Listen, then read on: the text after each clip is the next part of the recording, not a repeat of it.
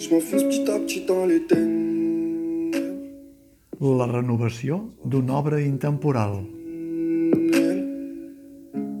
Ce que je te dis pas, lis-le sur mes lèvres. Je peux pas m'envoler qu'avec une aile. Au vrai, je fais ça pour les thunes. C'est pas pareil sans autotune.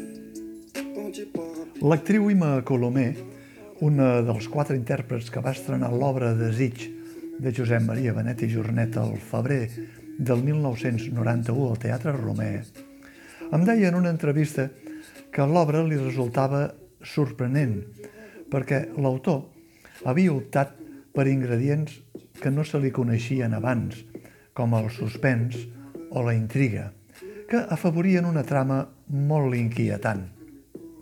A Ima Colomer, que va formar part d'aquell 1991 del repartiment amb la desapareguda actriu Àngels Poc i els actors Josep Maria Pou i Lluís Soler, no li faltava gens de raó. Encara avui, Desig continua sent una obra inquietant que, per als que hagin seguit altres peces més de caire costumista de Josep Maria Benet i Jornet, els semblarà entrar en el món d'un altre autor. Ima Colomer definia també Desig com una obra de registre de teatre molt nòrdic, més que català. Jo hi afegiria més que és una obra de ressons de l'atmosfera de Harold Pinter, cosa que avala la reconeguda qualitat literària de Benet i Jornet, que és considerat el pare per alguns i l'avi per a molts altres de la dramatúrgia catalana. Val la pena recordar que a aquella primera versió de Desig, que el 1989 havia obtingut una de les borses de creació de l'extingit Centre Dramàtic de la Generalitat de Catalunya, es va representar també el mes de maig del mateix 91 a Bologna, dins el Festival de la Convenció Teatral Europea, obrint un camí d'expansió internacional que el teatre català ha seguit després amb altres autors. La directora Sílvia Munt ha detectat també aquests ingredients de desig i no ha volgut exposar-se a convertir l'obra, que és molt de cambra, en una obra de gran format, que s'hagués resolt amb espectaculars efectes de llum i de so i, tenint en compte les condicions de la sala gran, segurament amb l'aparició del cotxe fantasma que apareix en el rerefons del clima enigmàtic de l'obra. Ben al contrari, Sílvia Munt ha estat la primera directora que s'ha atrevit a desmuntar una part de la platea de la sala gran del TNC, planyo als tècnics de la casa, i situar la meitat de l'auditori a l'escenari i l'altra meitat a la banda convencional, deixant sense localitats la meitat superior més allunyada de l'escenari central.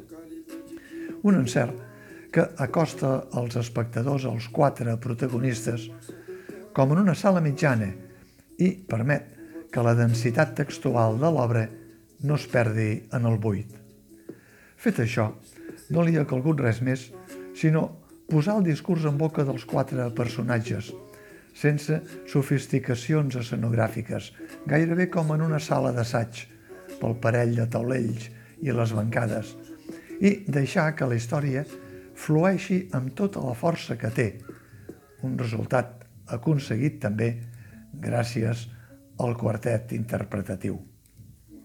Menció especial, és clar, per a l'actriu Laura Conejero, que es fa amb el paper de la dona.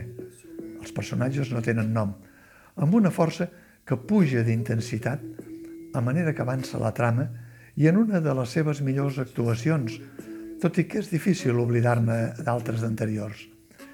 Igualment per l'actor Carles Martínez, l'home, que aquí té un paper d'origen més discret i manté algunes rèpliques amb la serenitat de qui està de tornada i a qui no l'afecta la inquietud de la seva dona i mare de les filles que han deixat ja grans i que troben a la segona residència allunyada de tota mena de serveis el refugi que no troben a ciutat.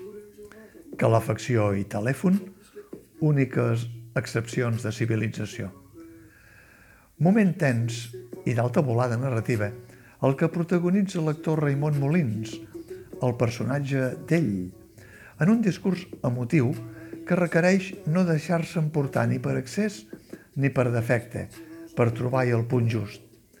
Una sorpresa interpretativa per a molts espectadors que no hagin vist actuar Raimon Molins en alguna escassa ocasió a la seva sala petita, l'Atrium, on exerceix més de gestor que no pas d'intèrpret. I moment també estel·lar per a l'actriu Anna Saún, el personatge d'ella, que és el mirall de la joventut perduda per la dona en un discurs que tanca el quadre del miratge que per als dos protagonistes del present, home i dona, ha esbossat l'autor per reflectir la nostàlgia del passat, ell i ella.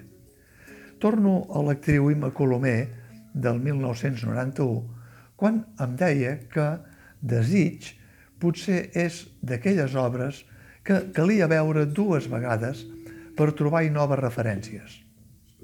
Això és el que poden viure ara molts espectadors que la van veure en l'estrena del 1991. I si han passat 30 anys, perquè envelleixi bé, encara millor. Els temps han canviat en 30 anys.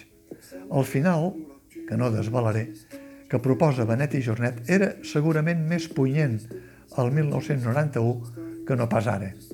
L'escena en què l'home que s'entreté a modelar una petita escultura modela també el cos de la dona, té ara més força que abans quan reflecteix el paper manipulador, protector o abusiu de l'home sobre la dona.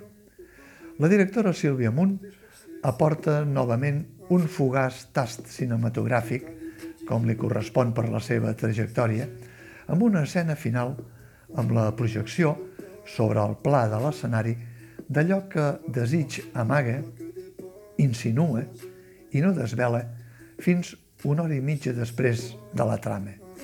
Ho fa amb un enregistrament de primer pla rigorós amb dues ballarines, Fàtima Campos i Olga Lledó.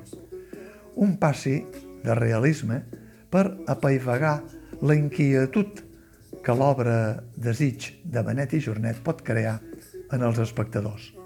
Una manera també de renovar l'obra i deixar per a futures generacions el testimoni del caràcter intemporal que té.